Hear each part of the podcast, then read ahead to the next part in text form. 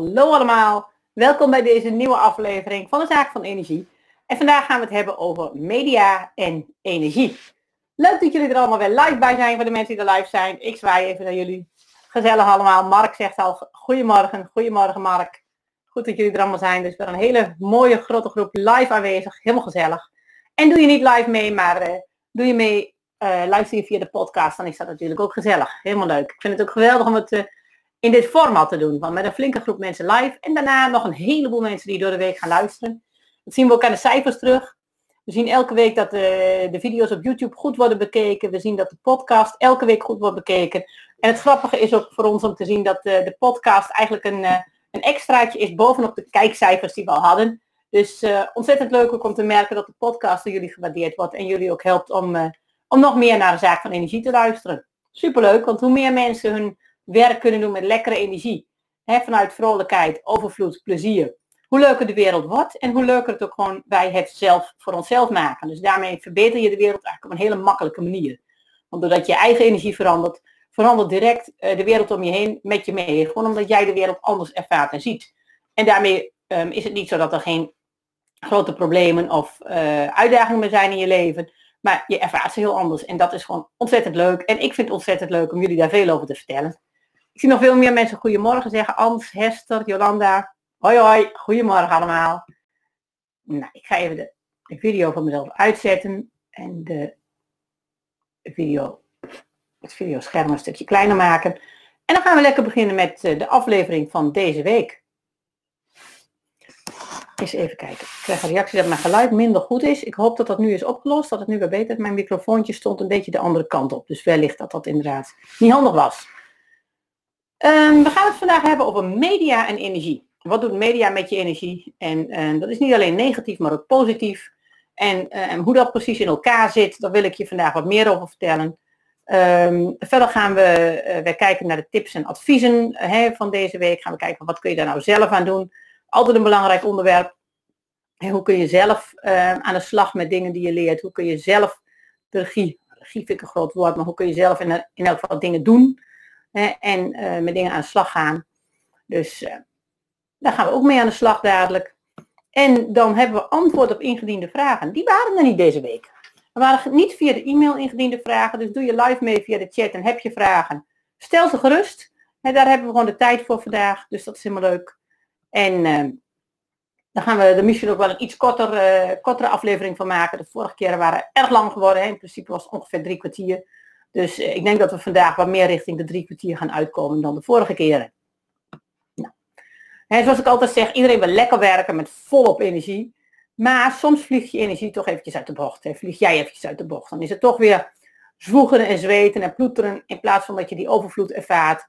Of loop je keihard te rennen in plaats van dat je even relaxed over een probleem nadenkt, overzicht houdt, hè, uh, de slimme dingen verzint. En wat we al een aantal keer hebben gezien en geleerd is, juist als je in die schaarste modus komt, hè, dat, dat ploeteren, zweten of dat rennen, dan verlies je ook het overzicht. Dan verlies je uh, de prioriteiten vaak. En dan um, wordt het dus ook juist lastiger om op een ontspannen manier je werk te doen, om lekker zacht te werken. Terwijl als je in die overvloed zit en ontspannen de tijd neemt om over je uitdagingen na te denken, even reflecteert, dan is je werk vaak al een heel stuk makkelijker en beter en uh, leuker. En, het interessante is ook juist als je in die schaarste modus zit, dan um, is het lastig om dat overzicht te hebben. Dan heb je het gevoel dat alles je overkomt, en dat je niet uh, de regie hebt. En juist in die modus wordt het dan vaak nog meer ploeteren, zweten, zwoegen en kom je in zo'n negatieve, vicieuze cirkel. En als je dat weet om te zetten, omdat jij je energie weet om te zetten, ervaar je je leven en je werk en alles alweer heel anders. En ik vind het zelf ontzettend gaaf om te ontdekken um, hoe ik daar zelf ja, de regie op kan hebben, vind ik een slecht woord. Want het is niet dat je altijd in controle bent, maar gewoon hoe je dat zelf kunt stimuleren. En hoe je dat kunt veranderen. En soms voelt het ook letterlijk alsof ik de knop in mijn hoofd in één klap kan omzetten.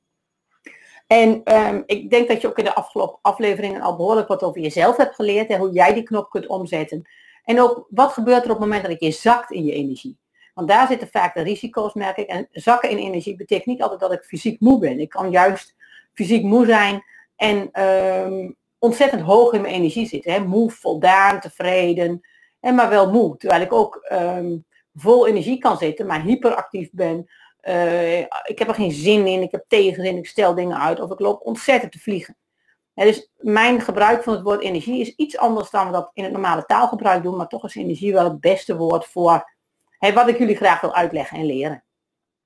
En als je dus ook leert om goed voor die energie te zorgen, dan ehm, werk je ook beter. En dan wordt het werk ook steeds makkelijker. Het grappige is dat je dan ook wel weer meer uitdagingen aan kunt. Dus het betekent niet dat je dan eenvoudiger werk doet. Het betekent vaak juist dat je complexer werk makkelijker aan kunt en beter kunt doen.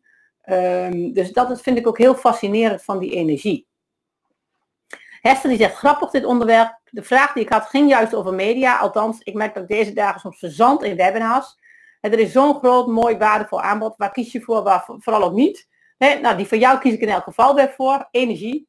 Nou, dat is een leuke opmerking, Hester, want je hebt inderdaad, uh, er is ook een overvloed aan aanbod. En ehm, het leuke bij een overvloed is dat je ook met overvloed moet leren omgaan. Ik leer dat heel erg door de natuur.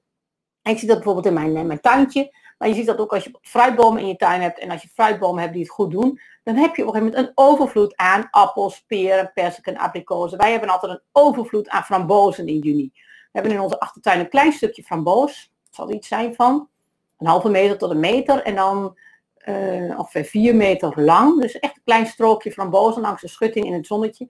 Nou, in juni hebben we daar gewoon een overvloed aan frambozen. Dan kunnen we gewoon drie, vier keer per dag met z'n vieren in ons gezin onze buik vol eten aan frambozen. Zoveel frambozen heb je dan. En het leuke is dus als je daar, dat je daar ook weer moet mee leren omgaan. wij moeten dus niet zelf al, al die framboos willen eten. We moeten niet zelf panisch worden dat elk framboosje goed behandeld moet worden. Er mogen best merels tussen de frambozen zitten en andere vogeltjes. En die mogen frambozen aanvreten. En dan zitten er half aangevreten frambozen aan onze struiken. Maar dat is helemaal niet erg, want dat delen we dan met andere uh, wezens die ook van onze frambozen genieten. En zo is het natuurlijk ook met zo'n overvloed aan webinars. Je hoeft niet alles. Dus je moet ook niet bang zijn dat je niet alles kunt volgen of alles het maximale uit kunt halen. Kijk, zo'n grote kastanjeboom, die is ook niet bang dat ehm, niet al zijn kastanjes een grote boom worden. Want dat kan ook helemaal niet. Kastanjes, daarvan is de bedoeling dat er maar een paar rond zo'n boom uitgroeien tot een klein sprietje. En tot een klein half boompje. En de andere kastanjes zijn allemaal voedsel voor andere doeleinden. Hè? Voor andere dieren. Uh, jonge twijfjes mogen weer door de herten opgegeten worden. Dus um, van al die webinars en al het aanbod wat er is, hoef je ook niet alles van begin tot eind perfect te, te luisteren en te onthouden en toe te passen. Want dan word je helemaal gek. En dus daar met die overvloed kun je gewoon lekker omgaan zoals je met alle andere overvloed omgaat. Namelijk, pak dat wat leuk is, pak dat wat jou voedt gebruik ook dat wat jou voedt in die mate dat het jou voedt. Maar als het niet meer voedend is voor jou, doe het dan ook niet. Ik eet ook niet de hele dag in uh, juni frambozen. Ik eet s ochtends een beetje verse frambozen, bij de lunch nog eens. En s'avonds soms niet en soms wel, maar zoveel ik zin heb. En het mooie is dus als jouw eigen energie leidend wordt, dan wordt dat ook makkelijker. ook bij dat volgen van bijvoorbeeld al die webinars of al dat aanbod of alles wat er beschikbaar is. Dan ehm, is het heel erg leuk om te gaan kijken van wat voedt mij. En wat voedt mij op dit moment niet meer? En wat is bijvoorbeeld ook media die mij misschien wel helemaal niet zo voedt, waarvan ik denk dat ik iemand moet volgen of, of moet, dingen moet doen, maar eigenlijk ben ik elke keer een beetje moe of een beetje mopperig of een beetje teleurgesteld of een beetje onrustig.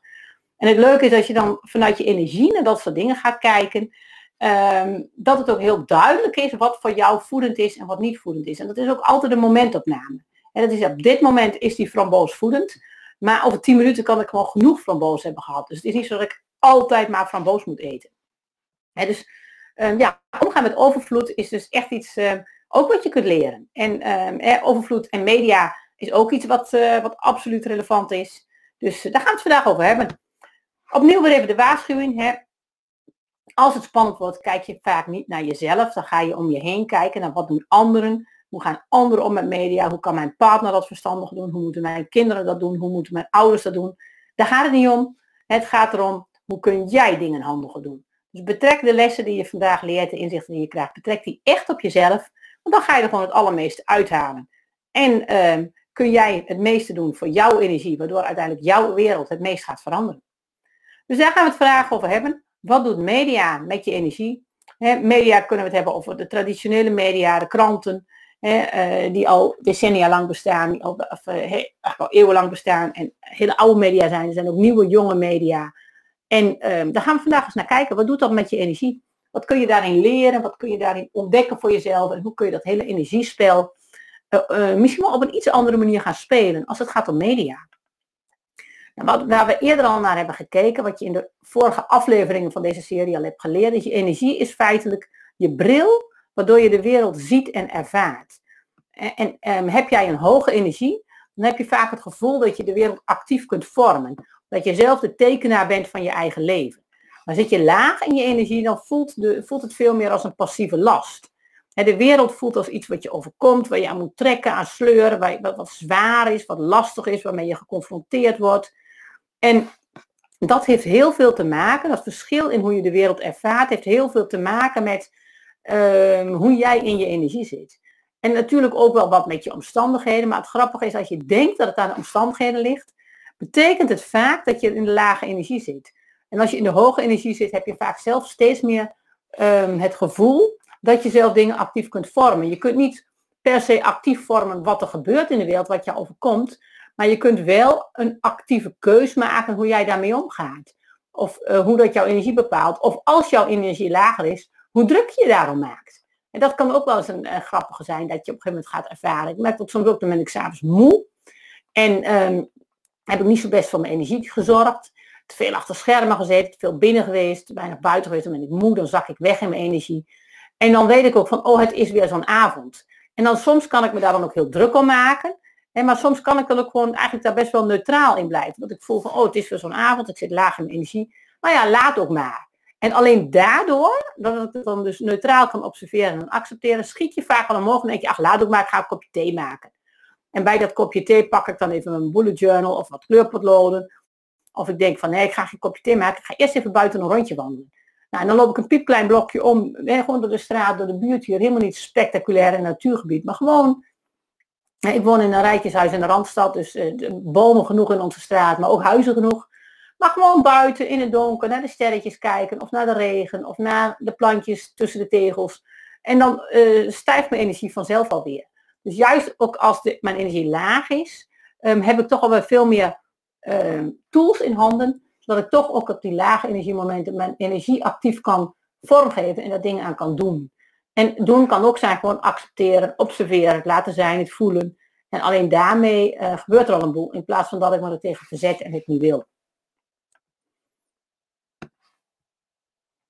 Dat is ook een hele belangrijke. Hè? Als je met die energie aan de slag gaat, dat bewust gaan waarnemen. En bewust waarnemen, wat kost me eigenlijk energie? Wat geeft me energie?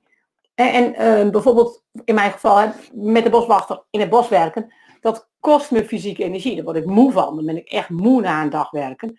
Maar mentaal geeft hem ook heel veel energie en helderheid. En het is een voldane moeheid. Dus ik ben wel moe, maar toch moe vanuit hoge energie. Andersom kan ik soms ook heel, wat ik al aangaf, heel, energie, heel veel energie hebben in lage energie. Dan word ik hyper uh, druk of ik ga dingen uitstellen, ik heb geen zin. En die balans klopt dan niet, de balans is dan weg. En een hele belangrijke, leuke eerste stap is dus dat je bewust gaat waarnemen. Wat kost mij energie en wat geeft mij energie? Wat we in, in een vorige aflevering ook al hebben besproken is, wat is een expert? Een expert is iemand die meer verschillen ziet. Dus hoe meer jij je energie bewust gaat waarnemen, hoe meer verschillen je ook gaat zien. En nu denk je misschien dat je al heel veel van je energie ziet, maar je kunt nog veel meer subtiele nuances gaan zien. En dat is, het, dat is ook wat ik je in deze serie graag wil leren. Dat je veel meer subtiele nuances in energie kunt gaan zien. En, um, bijvoorbeeld, als je hier heel primitief naar kijkt naar dit plaatje, zeg je, nou dat heeft twee kleuren rood en zwart. Maar een, iemand die veel tekent en uh, veel verstand heeft van kleur, die zegt nee, ik zie ook al grijs en ik zie allemaal tinten grijs en dit is niet echt zwart, maar ja, dit is zwarter, dit is grijzer. Hey, dat rood heeft ook een verloop, hier is het lichter, donkerder, lichter. En, hey, dat rood loopt hier een beetje buiten het lijntje en dat lijntje is hier dikker en dunner. Dus, en dit is ook weer een andere dikte dan uh, de lijn hier. En dan zie je al dat um, een expert ziet meer verschillen in kleuren, in lijn, als je, als je expert bent in tekenen. Terwijl als je expert bent in energie, ga je ook veel meer subtiele verschillen waarnemen in je energie. En dat is heel erg interessant. Als je die subtiele uh, verschillen in je energie gaat waarnemen, dan kun je gewoon heel veel gaan leren over je energie. En dan ontdek je bijvoorbeeld al dat het elk moment van de dag kan veranderen. En dat is niet constant. Uh, ga ook niet veroordelen. Kijk neutraal. Zeg niet van mijn energie moet hoog zijn, maar oh wat interessant, nu is mijn energie ineens veel laag. En uh, wees nieuwsgierig vraag je ook af, hoe kan dit zijn bij mijn energie? Denk niet, dat weet ik al, kan ik al. Nou, dit hebben we al in een vorige aflevering besproken. Ik noem dit nu even opnieuw, omdat het ook heel belangrijk is als je gaat kijken naar media en je energie.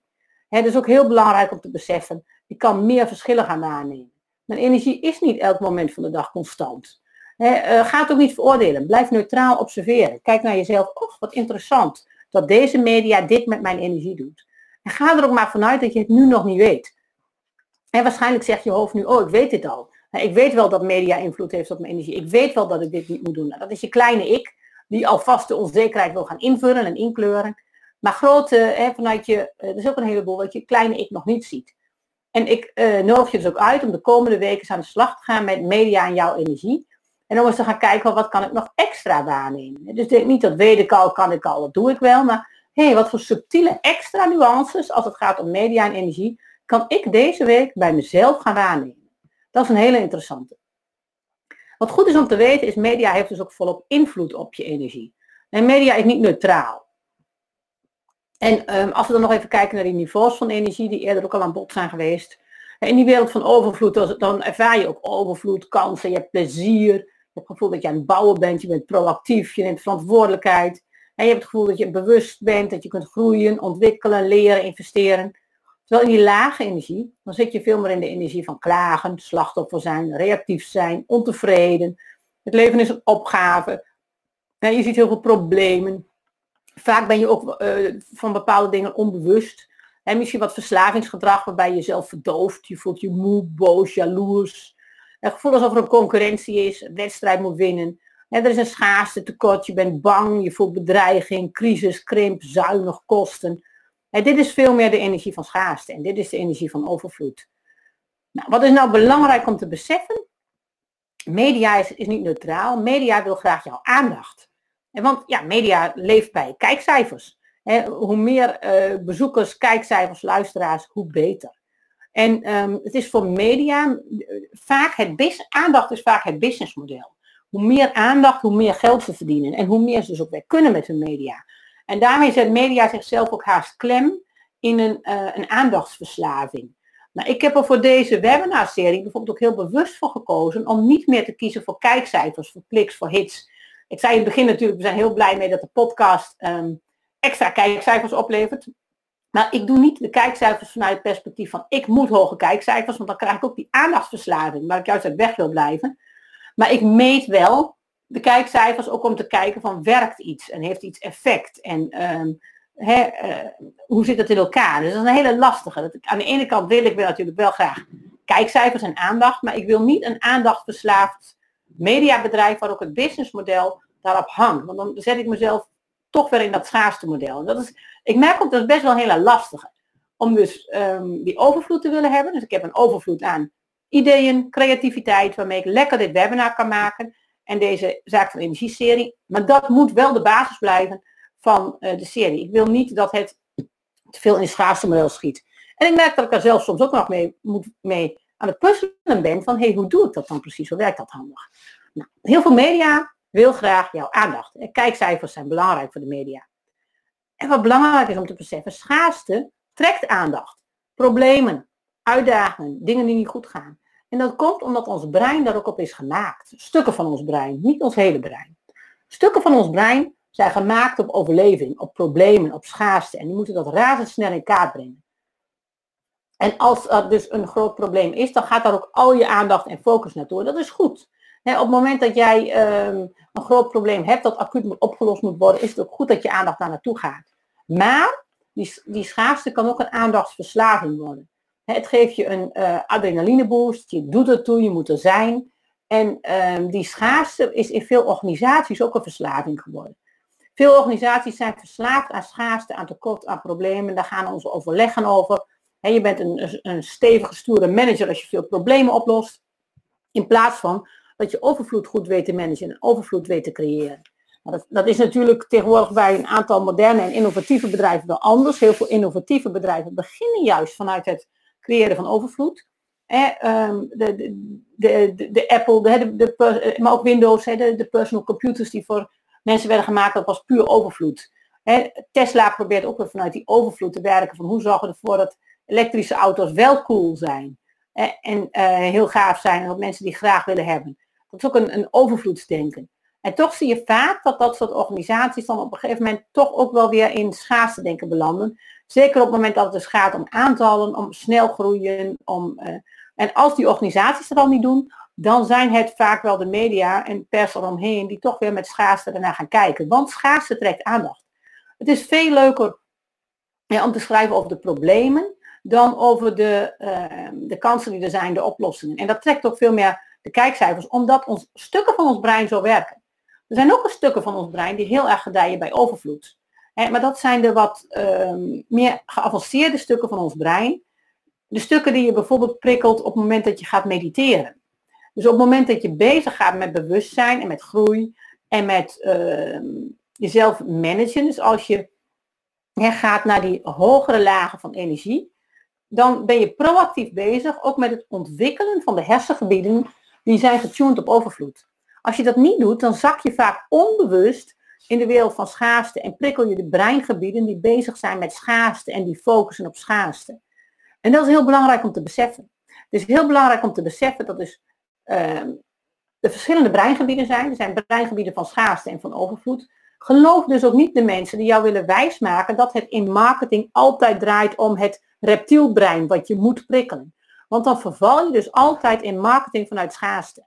En dat reptielbrein dat is inderdaad gericht op, uh, op schaarste, maar net zo goed op, uh, op luieren en op lekker in de zon liggen. dus op, op, uh, op niks doen. Maar je hebt ook stukken brein die zijn gericht op overvloed. En dat zijn de stukken brein die zijn gericht op liefde, op plezier, op passie, op dankbaarheid.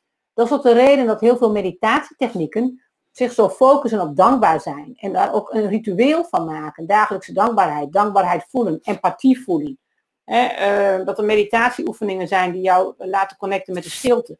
Dat zijn feitelijk zijn dat allemaal methoden, technieken die gericht zijn op het trainen van je overvloedsbrein. En dat overvloedsbrein bewust laten groeien. Waardoor je zelf ook gaat groeien naar die hogere niveaus van liefde. En uh, dankbaarheid, empathie en ook eenwording. Hier voel je heel vaak, in de, de niveaus van schaarste, voel je heel vaak los van de wereld om je heen. Is het een struggle, voel je geïsoleerd. En juist die eenheid met de natuur, met de kosmos, met het al, met de God, die eenheidservaring, dat is die levels van overvloed. En dat kan je overkomen hè, in een uh, mystieke ervaring, maar dat, daar kun je ook bewust voor trainen, voor werken. En heel veel, um, de, zeg maar de founding fathers van de religies, die waren daar heel goed in. Die waren heel goed en die wisten daar heel veel van. Maar daarna is hun kennis omgezet in regels door mensen die daar lager in zitten.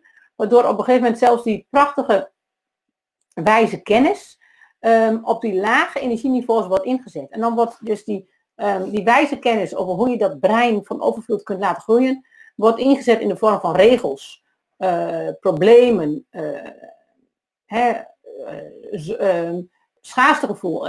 In het christendom heb je dat heel erg gezien. De, de, de kruistocht is natuurlijk ook een vorm van schaarste denken. Daar zit de vijand en die moeten we bestrijden. We moeten vechten tegen de overheersers van het heilig land. Of tegen degene die anders geloven dan wij. Binnen het christendom, binnen de kerken zie je dat heel erg. En binnen alle religies. En dat er op een gegeven moment een soort van lage energievariant van de religie ontstaat, terwijl er ook een hoge energievariant is. En dat zijn vaak de grondleggers van de religie geweest, die vanuit verlichting, vanuit die eenheidservaring, vanuit die, en dat brein wat heel erg getraind is in dat overvloed, um, die ervaring hadden, die dat ook aan andere mensen willen leren en doorgeven. Maar op het moment dat dat dan doorgegeven wordt naar lage energieniveaus, dan wordt zo'n religie, dan worden die regels, die richtlijnen, die inzichten ook uit zijn verband gerukt en heel anders geïnterpreteerd. Dus het is ook wel fascinerend om te zien hoe dan um, ja, hoe religie en energie op die manier ook met elkaar samenhangen, maar hoe je ook de verschillen in een religie dus kunt verklaren. Het is niet zo dat het christendom goed of slecht is, of uh, de islam of een andere religie. Je hebt in alle religies heb je mensen met hoge energie, die dat op een uh, prachtige manier in de wereld zetten. En je hebt mensen met een lage energie, die, de, die hetzelfde geloof, dezelfde religie, op een ja, lage energie manier in de wereld zetten. En um, ja, dat zorgt dus voor een heel groot verschil. Nou, even terug naar media. Waar we het over hadden is, je hebt dus je, je, brein kun je dus trainen in schaarste en problemen. En met name marketing vanuit reptielbrein vind ik daar heel erg op gericht. Je kunt ook um, je brein trainen in schaarste en overvloed. En wat je ziet is, media wil aandacht, Schaarste trekt de aandacht. Dus heel veel media is gericht op schaarste. Want schaarste trekt de aandacht. En het is veel interessanter om te schrijven over die boot die vergaat in de storm, dan over die boot die een prachtige dagtocht heeft gehad. En dus die media, die focust dus heel erg op schaarste. Media focust heel graag op slachtoffers, hè, op uh, problemen. Op, uh, en media heeft daarmee ook soms wel een verslavend, verdovend uh, karakter. Ehm, media kan, je dan ook een, kan het dan hebben over isolatie, depressie, dingen die zinloos zijn, concurrentie, um, wedstrijden, druk, schaarste, tekort, angst, nou, crisissen. we zitten midden in een corona-uitdaging die, die we dan heel snel herdopen tot een coronacrisis. In plaats van een corona-investering of een corona-kans of een corona-groeiperiode. en zo kijken we er soms ook wel naar. Maar je merkt zelf vast ook wel bij je brein dat op het moment dat we het hebben over coronakansen, dat klinkt minder echt dan een coronacrisis. En dit klinkt op een of andere manier echt. Dit, dit gijzelt onze aandacht. Dit gaat ook heel makkelijk, heel automatisch. En media is niet gek. Media focussen op schaarste, omdat ons brein zo werkt. Omdat ze met schaarste en problemen heel makkelijk onze aandacht trekken. En omdat we dan heel makkelijk uh, media gaan gebruiken. Um, en dat is dus ook belangrijk om bij jezelf te gaan beseffen. Ga maar eens kijken van wat doet media met mijn energie? En trouwens, ik moet er nog bij zeggen, niet alle media is hierop gericht. Er is ook media gericht juist op overvloed. He, bijvoorbeeld de, de Optimist, dat is een, eh, een tijdschrift dat gaat, gaat over positieve dingen. Wat je ook wel ziet is dat die media het dan vaak moeilijk heeft. Om voldoende kijkcijfers te krijgen, om voldoende te kunnen investeren om een groot dagblad te worden. Het is niet voor niks dat de grote kranten toch wel vaak vanuit dit perspectief kijken. Um, omdat dit gewoon veel aandacht krijgt en omdat daar dus een businessmodel onder zit. En het businessmodel van overvloed Misschien zijn we daar ook gewoon soms nog wel niet zo ervaren in. We weten nog niet zo goed hoe dat werkt. Dat zijn we aan het uitvinden. En ik denk dat dat ook een hele leuke uitdaging voor ons wordt om te kijken van wat is een, een, het businessmodel van overvloed. Economie is ook letterlijk gebouwd op schaarste. Toen ik uh, economie volgde op de middelbare school en universiteit bij bedrijfskunde, leerden we ook letterlijk, economie is de rationele verdeling van schaarse goederen. Terwijl ik economie net zo goed vind, het creatief scheppen van overvloed. En dat is bijvoorbeeld ook wat die founding fathers doen. Hè? De, de, de, de oprichters van een Tesla, van Apple, van een Microsoft, van Google, van Amazon. Die hebben allemaal zijn die begonnen met het scheppen van overvloed. Een overvloed die er nog niet was. Die zijn met hun bedrijf in de wereld zetten. En daar zijn ze groot mee geworden. Dus economie is net zo goed het, het creatief scheppen van overvloed. En het is dus ook heel leuk om je in je bedrijf te gaan afvragen. En in je werk en in je leven. Hoe kan ik in mijn leven niet bezig zijn met de rationele verdeling van schaarse goederen. Maar met het creatief scheppen van overvloed. En hoe kan ik overvloed scheppen voor mezelf en voor anderen? En daar dus ook een overvloed aan geld mee maken.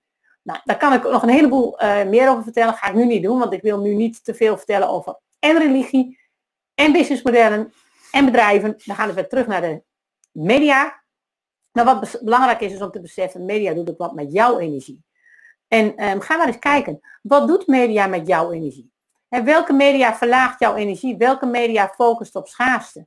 Maar ook andersom, welke media geeft jou een overvloed aan energie? En welke media geeft jou het gevoel van verbinding, van connectie, van liefde, van plezier? He, uh, ook die media is er. En dus dat is ook een, uh, een, een, hele belangrijke om te beseffen. Ik, ik, zie een leuke vraag in de chat. Media focust op schaarste. En Vicky zegt, is dat ook de reden dat we elke dag lezen hoeveel mensen overleden zijn aan corona? In plaats van hoeveel corona hebben overwonnen? Ja, absoluut. De, de overledingen, dat is absoluut een vorm van, van schaarste, van het probleem. En van dood, en dat, dat, dat geeft aandacht. Terwijl als de media zouden rapporteren over hoeveel mensen het hebben overwonnen, dan wordt het ook nog wel eens afgedaan als naïef. En mensen die in deze energie zitten, die vinden dit soms ook gewoon niet prettig. Zeggen, ja, dat is naïef, uh, het is niet echt, daar gaat het niet om, we hebben een probleem, daar moet de aandacht naartoe.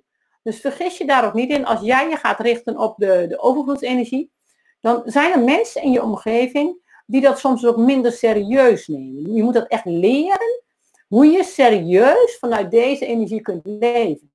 En serieus betekent soms ook wel, hè, dus met passie, plezier, lol. En daar zit ook een soort van verliefdheid op het leven in, een soort spelen. En dat is dus ook minder zwaar dan dit.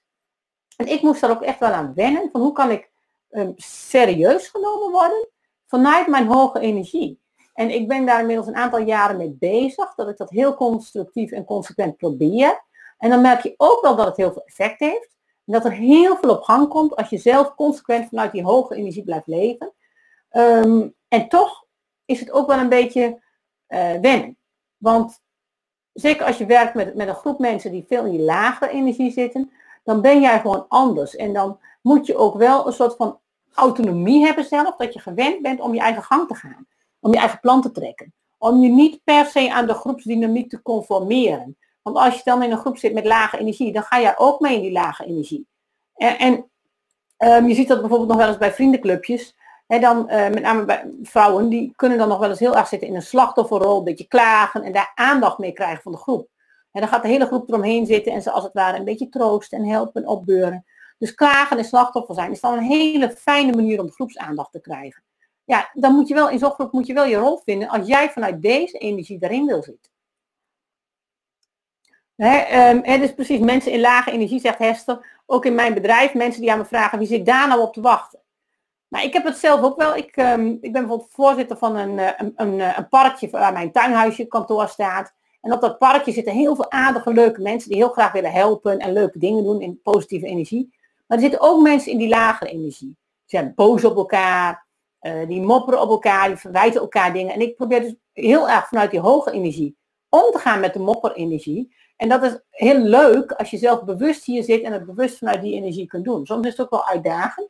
Maar vaak zie je dan ook dat dezelfde mensen die dus soms heel erg lopen te mopperen en te ruzien, in één keer wel proactief worden. Op me afstappen en zeggen, hey, ik wil dit wel voor jou gaan regelen. Of zo zal ik dat eens voor, voor, voor je oppakken. Of voor het park oppakken of doen. Of... Dus het is heel grappig dat je moet behoorlijk... Aan de ene kant moet je een soort van vasthouden aan je energie, zonder dat je de ander probeert te veranderen. Je moet die ander gewoon op zijn plek laten, maar jij blijft ook op jouw plek. En uh, ja, dan zie je soms ook de mooiste verschuivingen in mensen. Maar dat is echt een heel bijzonder spel. He, die dus om, om vanuit je eigen energie om te gaan in, uh, ja, om te gaan met die, uh, met die mensen in schaarste. Jolanda heeft een leuke vraag die zegt van heb je tips hoe je marketing vanuit overvloed in plaats van schaarste kunt doen? Want dat is ook wat ik heb geleerd. Bijna alle boeken en trainingen passen marketing toe vanuit schaarste. Nou, marketing, uh, nou Jolanda, ik vind dat jij een uh, winnaar bent met je vraag van de week. En uh, van die vraag ga ik volgende week het webinar maken. Want ik kan daar namelijk heel veel over vertellen, marketing vanuit overvloed. En ehm, ik heb er zin in om me daar eens een weekje in te gaan verdiepen. Um, ik weet er al heel veel van. Ik heb al een aantal webinars over gegeven en events ook over gegeven. Maar het is een heel leuk onderwerp, dus ik ga daar nu niet op in. Maar jouw vraag wordt vraag van de week en ik ga daar volgende week een heel uur over vertellen. En sterker ik zou daar echt wel een apart programma van kunnen maken, van waar ik zeven uur lang vertel over marketing en overvloed. Ga ik niet doen, maar gaan we volgende week uitgebreid op in. En dan gaan we nou even terug naar de media. Want um, Jolanda zegt, dank je, heb je een leestip? Nou ja, daar ben ik zelf ook wel naar op zoek. Ja, wat een heel leuk boek is over overvloed, is bijvoorbeeld van Rutger Bregman in het Nederlands Alle mensen deugen. De meeste mensen deugen. Dat is een heel leuk boek vanuit dat overvloedperspectief. Een ander boek vanuit overvloedsperspectief is Feitenkennis van Hans Rosling. Dat is een, uh, een uh, Deense professor die heel veel uh, statistische data heeft verzameld van de Wereldgezondheidsorganisatie. Waarmee hij laat zien dat de wereld radicaal aan het verbeteren is. En dat het heel veel beter gaat dan 10 of 20 jaar geleden. Juist in de derde wereldlanden. Maar dat die verbetering zich aan ons oog onttrekt, juist omdat we vaak richten op problemen en schaarste. En hij geeft in zijn boek een aantal denkproblemen aan, waarom we dit niet zien. En hij geeft heel veel statistieken.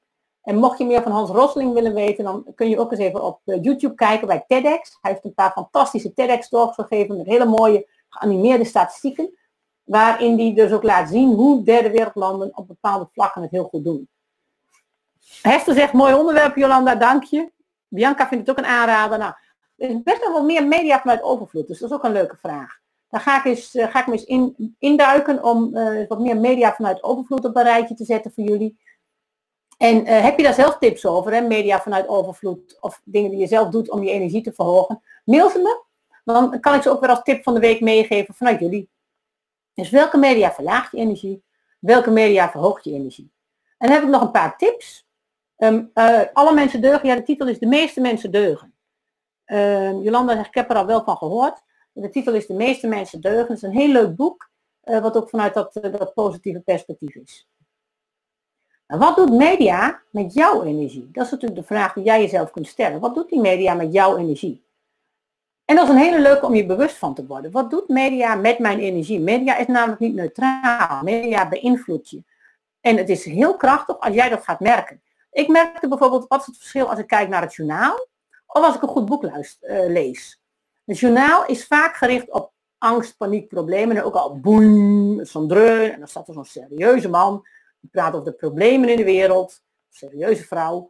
En dan uh, komen er soms nog één of twee leuke dingen langs, maar de meerderheid, het grootste deel van het journaal, is toch altijd wel problemen, hectiek, vervelend. Ik kijk dus ook amper met journaal. Um, ik wil wel weten wat er in de wereld speelt, maar dat lees ik wel op het moment dat ik het wil. Ik lees de zaterdagkrant. Um, ik kies heel bewust welke media ik, ik, wil consumeren. En ik merk ook dat ik journaal dus heel erg ben ontwend. Ik heb ook weinig radio aan. Ik luister veel liever naar muziek of naar podcasts in de radio. De radio. En de enige uitzondering is eigenlijk uh, rond de jaarwisseling. Dan luisteren wij met het hele gezin altijd heel graag naar de top 2000. Dus dat hebben we dan de hele dag aanstaan. En ik merk dat elk uur weer het uh, radiojournaal mijn energie dan ontzettend verstoort. Mijn man en kinderen hebben daar minder last van, maar ik heb dus elk uur de neiging om rond het uur die radio even uit te zetten. Omdat ik dan niet die reclames en het journaal wil, want dat is een heel andere energie dan de energie van de rest van de, van de uitzending van Top 2000. Dus op een gegeven moment heb ik ook gewoon, uh, zet ik hem dan om naar de Top 2000 op Spotify. En dan gaan we die luisteren in plaats van de echte top 2000 op de radio. Omdat ik dat journaal, die energie van het journaal en die reclames uh, heel verstorend vind op de rest van het uurtje.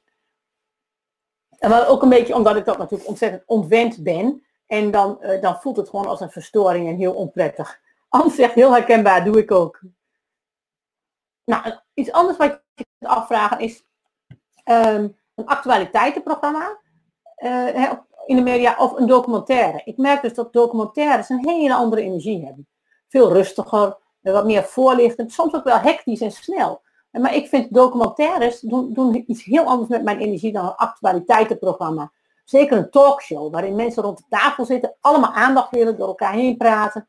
Ja, ik vind dat vaak heel onprettig. Terwijl bijvoorbeeld een talkshow op de radio, waarbij een expert een uur lang iets mag vertellen over, ja, superleuk. Doet wat heel anders met mijn energie. En bij die eerste ook het journaal of een goed boek. Het journaal over um, problemen in de ontwikkeling in de, derde wereld of dat goede boek van Hans Rosling. Dan leer ik eigenlijk veel meer van de wereld. Ik weet een heel ander perspectief. Ik heb heel veel geleerd uit dat boek, maar ik krijg er veel energie van. En dan denk ik, ja, ik wil meer van die man weten. Ik wil zijn TED Talks kijken. Ik, uh, er zijn veel meer mooie statistieken. En dan ga ik, dan ga ik echt zo'n loophole in naar zo'n hele wereld van overvloedskennis. Dus een goed boek over een onderwerp, over iets in de wereld, dat mag dus ook best een probleem iets zijn, of een uitdaging of iets wat lastig is, maar zo'n boek waarin alles goed op een rijtje is gezet en goed gedocumenteerd is, dat geeft me veel meer energie. Dus dat doet heel veel met mijn energie. Is ook actualiteitenprogramma of een documentaire. Het is dus ook niet dat ik niks aan media doe, maar ik, ik heb een aantal tegenstellingen hier voor jullie neergezet. Dingen die mij veel energie geven en waar ik nog steeds media gebruik, maar een hele andere vorm, waar, waar ik er wel energie van krijg. Wat ik net al zei, radio luisteren of een podcast. En met DJ's, uh, met herrie, met gedoe.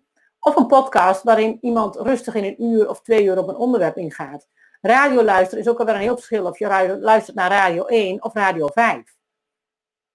En reclames op tv vindt Hester is ook zo'n energielek. Doorspoelen of geluid uit. Ja, ja absoluut. Dus ik merk ook, ik kan op, op, de commerciële zenders kan ik haast geen tv meer kijken. Want er is zoveel vervuiling met reclames, dat ik veel liever een leuke Netflix-serie kijk. We zijn op het moment, en nu, eh, mijn, jongens in het gezin minder sporten, zijn we s'avonds meer Netflix-series aan het kijken.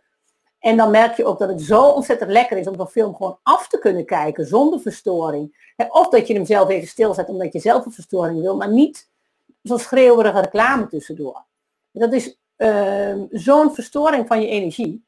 Het is ook radio luisteren of een podcast. En als je radio luistert, welke radio luister je? En soms zijn radiozenders ook best lekker, maar het doet wel wat met mijn energie. En lang niet alle radio is voor mij lekker. Ook niet alle podcasts trouwens. En ik heb ontzettend veel podcasts die ik onprettig vind qua energie. En zo zijn er bijvoorbeeld, um, op het moment zijn best wel heel veel podcasts waarin mensen het hebben over performanceverbetering en uh, persoonlijke ontwikkeling. Maar een heleboel van die podcasts, dan merk ik dat de luisteraars of de makers van die podcast op een heel ander energielevel zitten dan ik. Soms is dat heerlijk. Als ze een stuk hoger zitten, meer weten, veel te vertellen hebben. Ik vind het Timothy Ferris bijvoorbeeld van de vier uurige werkweek, die vind ik fantastisch. Hoe hij één à twee uur durende interviews heeft met mensen die echt, echt heel veel van weten. Dus dat in Engels. Maar fantastisch. Nou, er zijn best veel Nederlandse podcasts op dit moment van mensen die het ook hebben over performanceverbetering en persoonlijke ontwikkeling. Maar dat zijn allemaal open deuren en uh, mensen die er zelf niet zo ver in zijn, uh, die zelf nog best wel in, op een aantal gebieden in schaarste denken zitten, in moeten, in coveetjes. Maar dat trek ik helemaal niet. He, dus um, podcasts ook lang niet allemaal. En sommige podcasts zijn heel leuk, andere helemaal niet. Hester vindt dat herkenbaar. En sommige podcasts zijn vreselijke zelfingenomen kwasten en veel zijn geweldig. Robert zegt van mij YouTube, film, YouTube met flauwekulfilmpjes, negatief. Hè, ik kom de avond chagrijnig door of een documentaire, net zoals op YouTube met fascinerende historische kennis. Breng ik de avond stuiterend van enthousiasme door. Wauw, wat interessant. Ja, een heel mooi onderscheid, eh, Robert. Dus YouTube ook. En sommige filmpjes vreselijk en sommige zijn fantastisch. Ik heb dat bijvoorbeeld ook met goede tutorials voor tekenen. En dat ik weer nieuwe uh, technieken op mijn iPad leer, waardoor ik die collages nu, uh, nu maak, die ik, en die jullie steeds laat zien, dit soort plaatjes. En dan zit ik een avond heerlijk allemaal dit soort plaatjes te maken. En dan ga ik inderdaad stuiterend van energie en helemaal voldaan en tevreden ga ik dan ga ik slapen. Terwijl ik ook ehm, online kan belanden in hele lage energiedingen.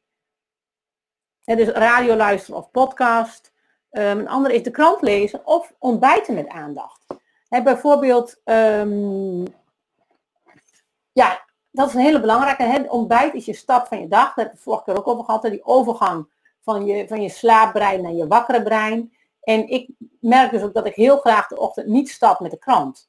Uh, ik, vind het wel leuk om de regionale krant te lezen. Dus wij lezen in de, mijn jongens lezen graag sport. Dus we hebben door de week algemeen, we hebben algemeen dagblad. En in het weekend heb ik het financieel dagblad. Dat vind ik een heerlijke overvloedskrant trouwens, financieel dagblad. Um, ook helemaal niet zo per se super economisch op winst gericht, maar heel erg op innovatie, ontwikkeling, overvloed, wat kan er wel. En het Algemeen Dagblad vind ik bijvoorbeeld de lokale krant heel erg leuk, wat er allemaal hier in de regio gebeurt. Maar die lees ik liever met de lunch. Of na de lunch dan uh, bij het ontbijt. En dus sowieso, um, op het moment dat je eet, zit je daarbij te lezen. Dan ben je veel minder bewust van je lichaam en is je vertering ook anders. Dus let daar maar eens op. Ga maar eens een paar ochtenden uh, mediadieetje doen dat je pas na je ontbijt je eerste mediatotje neemt. Dus geen telefoon, geen radio, geen krant. En kijk wat dat met je energie doet van die ochtend. Het is heel erg leuk om eens te testen voor jezelf. Wat maakt dat uit? En welke media in de avond? Hoe maakt dat uit voor hoe ik ga slapen? Dus Robert al zegt, kijk ik YouTube filmpjes met mooie historische kennis of um, laat ik me meeslepen in allerlei uh, flauwekulfilmpjes die mijn energie omlaag trekken. En Robert zegt, mijn Notre Dame kennis is bijvoorbeeld met gigasprongen omhoog gegaan door YouTube. Ja, dat is heel leuk hè. Ik zie het bij mijn kinderen, die zijn eh, heel gek van cricket. En cricket is een hele kleine sport in Nederland, maar die is wel heel groot in Engeland, Australië, India, Zuid-Afrika, uh, Pakistan, dat soort landen. Nou, zij kijken heel veel cricketfilmpjes, weten daardoor ook verschrikkelijk veel van cricket. En zijn behoorlijk goed in Engels, kennen al die crickettermen. ook dankzij YouTube. En dus er is ook gewoon heel veel leuke media die ook je energie verhoogt en je kennis verhoogt. Een um, volgende is, ja, dit is een hele leuke. Ben je media aan het consumeren of ben je ook aan het creëren? En zoals Robert, um, ben je inderdaad een beetje aan het consumeren, aan het kijken hoe anderen uh, fouten maken en uh, foute dingen doen? Of ben je media aan het consumeren, zoals kennis over de Notre Dame, dat je gebruikt in je eigen lezingen over Notre Dame en in je Notre Dame reizen? dan ben je al veel meer scheppend bezig. Robert zegt, mijn nieuwe blog komt vandaag. Dankzij, heel goed.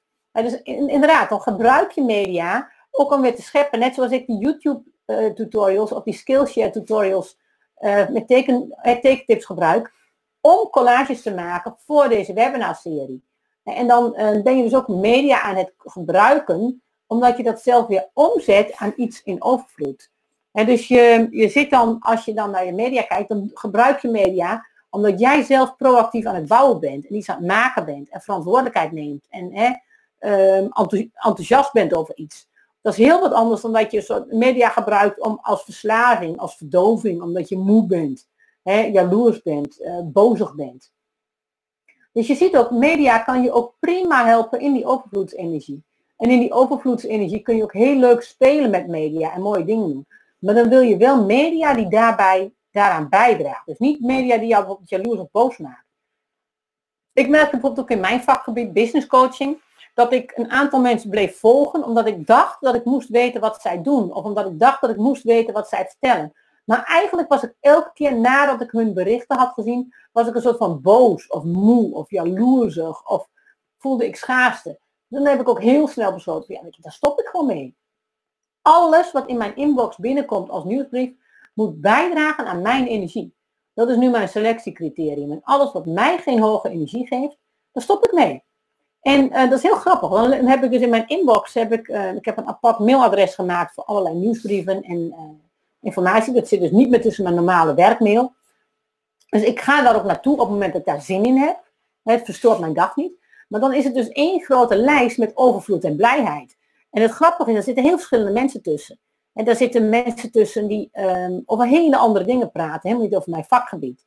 Terwijl de grote namen op mijn vakgebied, die volg ik niet, want dan krijg ik een lage energie van. Dus bij, voor mij is het selectiecriterium is heel erg energie geworden in plaats van um, vakkennis of bekende namen of iemand die je zou moeten volgen. En juist daarmee is het heel veel leuker geworden. En dus kijk daar ook gewoon heel bewust naar. Van welke media wil ik gebruiken? En die mij helpt om te creëren, om te scheppen, om leuke dingen te doen.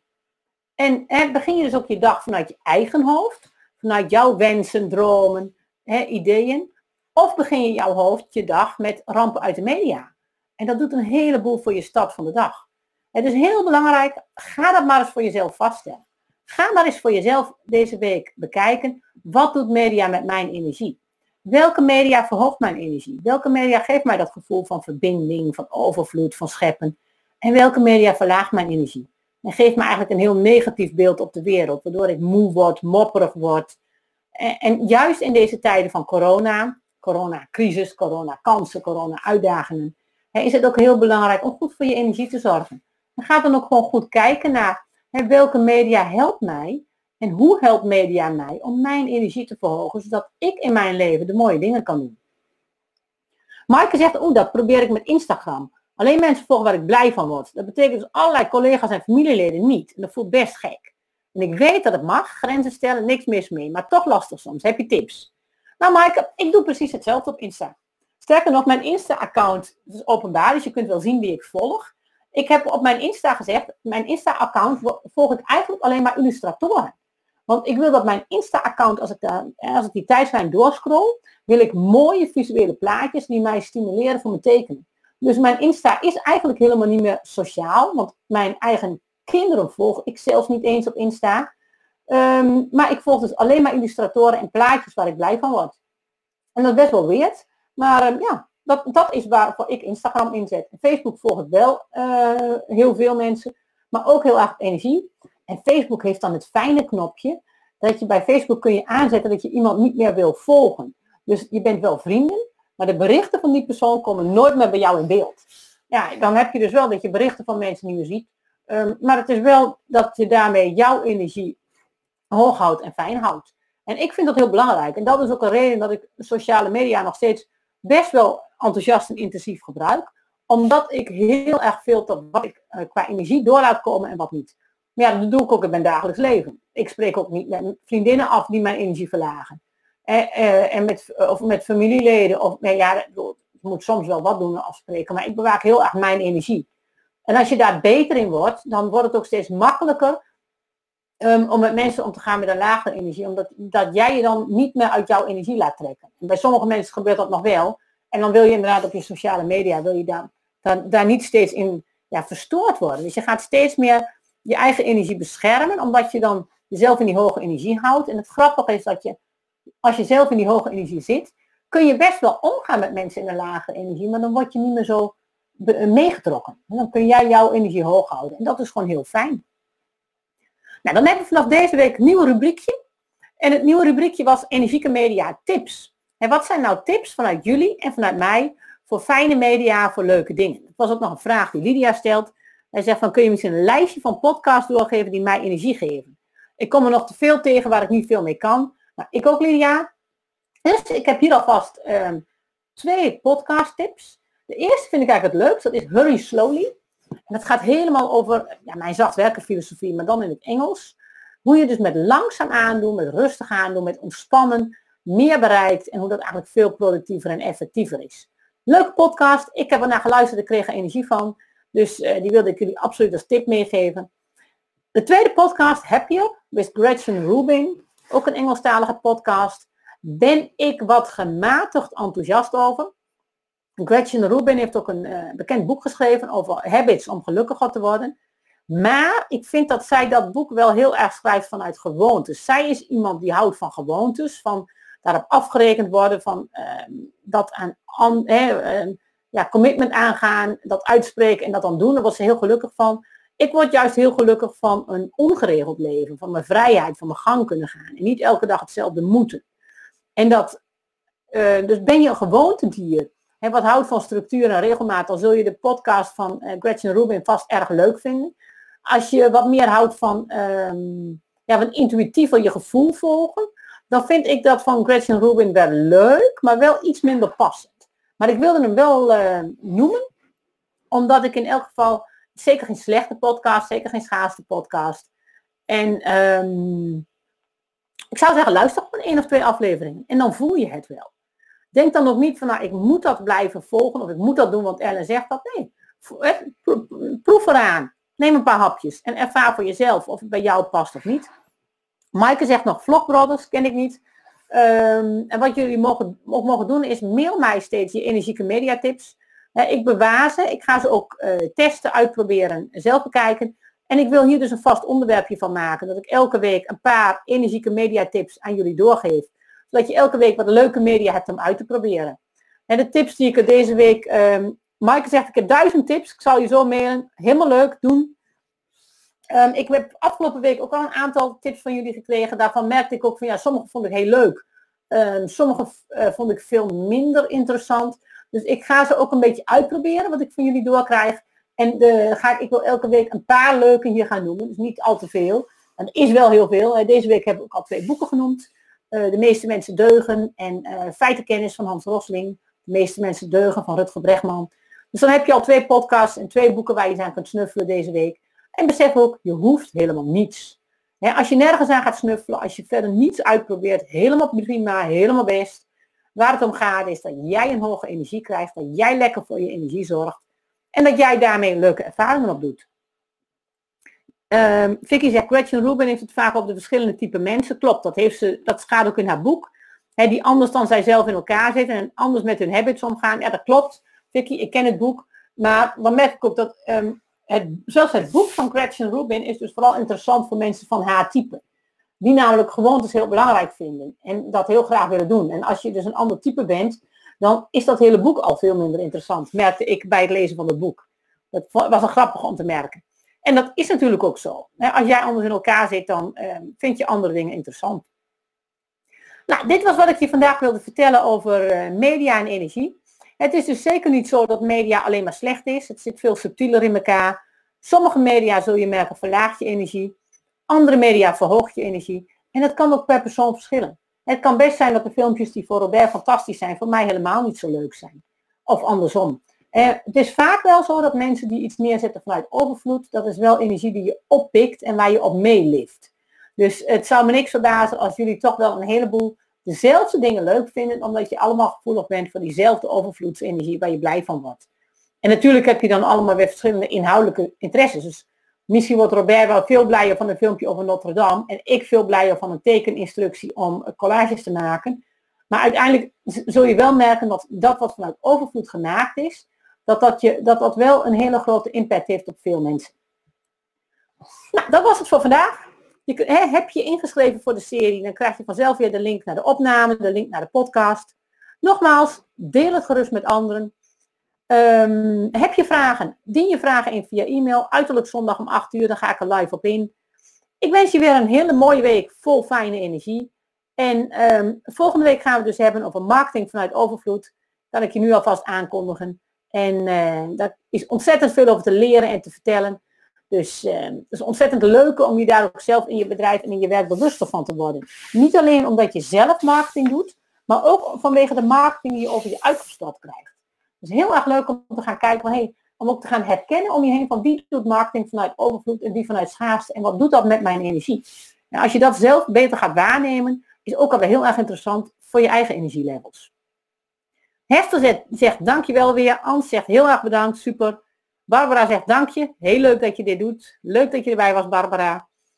En uh, Ingrid zegt, Ellen, je maakt me bewuster van wat ik bewust blijkbaar al kies. Dank je. Ja, dat kan heel goed zijn. Dat je dus um, door een webinar zoals dit ook bewuster wordt van waarom je die keuzes maakt. Dat je al weet dat je iets niet fijn vindt, maar nog niet zo wist waarom dan of zo. En dat je dat nu beter expliciet kunt maken. Dat is ook leuk, Ingrid, wat je zegt. Want dat betekent eigenlijk dat je kleine ik, en je bewuste brein, wat uh, werkt op basis van het bekende, heb je, hiermee heb je dus je kleine ik een beetje uitgebreid. Je kleine ik beseft nu meer over energie, beseft meer hoe jouw energie in elkaar zit.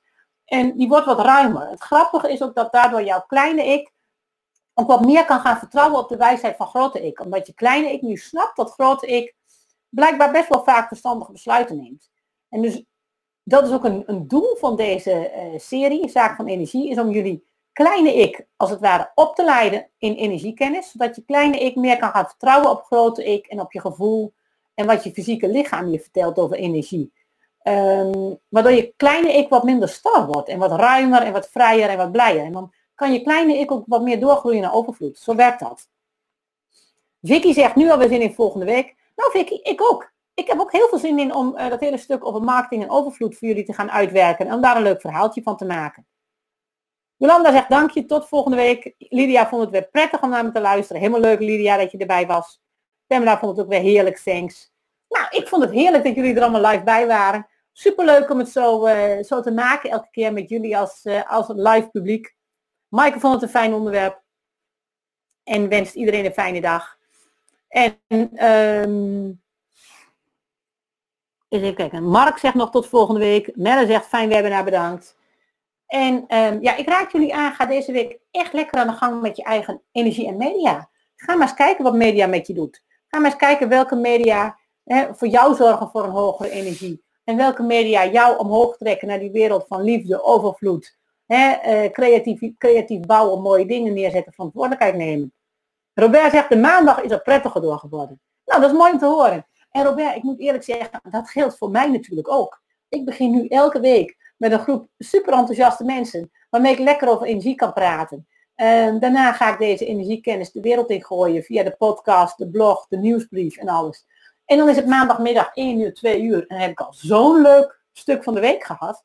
Dus dat geeft mij ook ontzettend veel energie. En ik vind het ook een heel mooi voorbeeld van overvloed. Ja, ik maak overvloed voor mezelf en voor jullie. En vanuit die overvloed gaan we allemaal onze week beginnen. Nou, hoe leuk is dat? Ik wens jullie weer een prachtige week, vol overvloed. Maak er wat leuks van. Geniet van alle mooie dingen die er ondanks de uitdagingen gewoon ook zijn. En uh, ik wens je heel veel plezier. Tot volgende week allemaal. En dan gaan we lekker verder met deze serie Zaak van Energie. Hoi hoi!